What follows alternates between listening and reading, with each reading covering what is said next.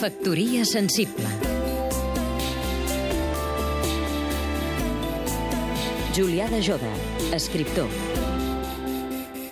Fa 60 anys, el filòsof Isaiah Berlin va publicar L'eriçó i la guineu, un assaig sobre la visió de la història de Tolstoi. La guineu són moltes coses, però l'eriçó en sap una i de grossa.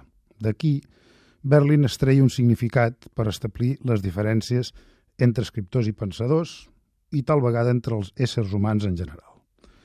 L'eriçó reaccionaria segons un principi universal únic, un sistema rígid, que els permet de comprendre, pensar i sentir el món. Serien gent d'idees centrípetes.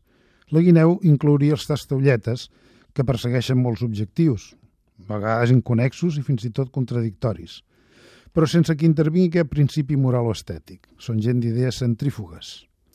Dante seria eriçó igual que Plató, Dostoyevsky, Nietzsche, Ibsen o Proust, mentre que serien guineus Shakespeare, Molière, Goethe, Balzac o Joyce.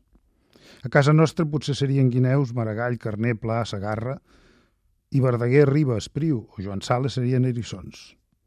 Però què passa quan algú és de natural guineu i es pensa que és un erissó? Com se les arregla?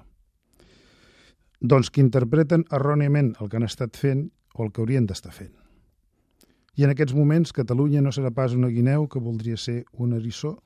Pensem-hi. Factoria sensible Seguim-nos també a catradio.cat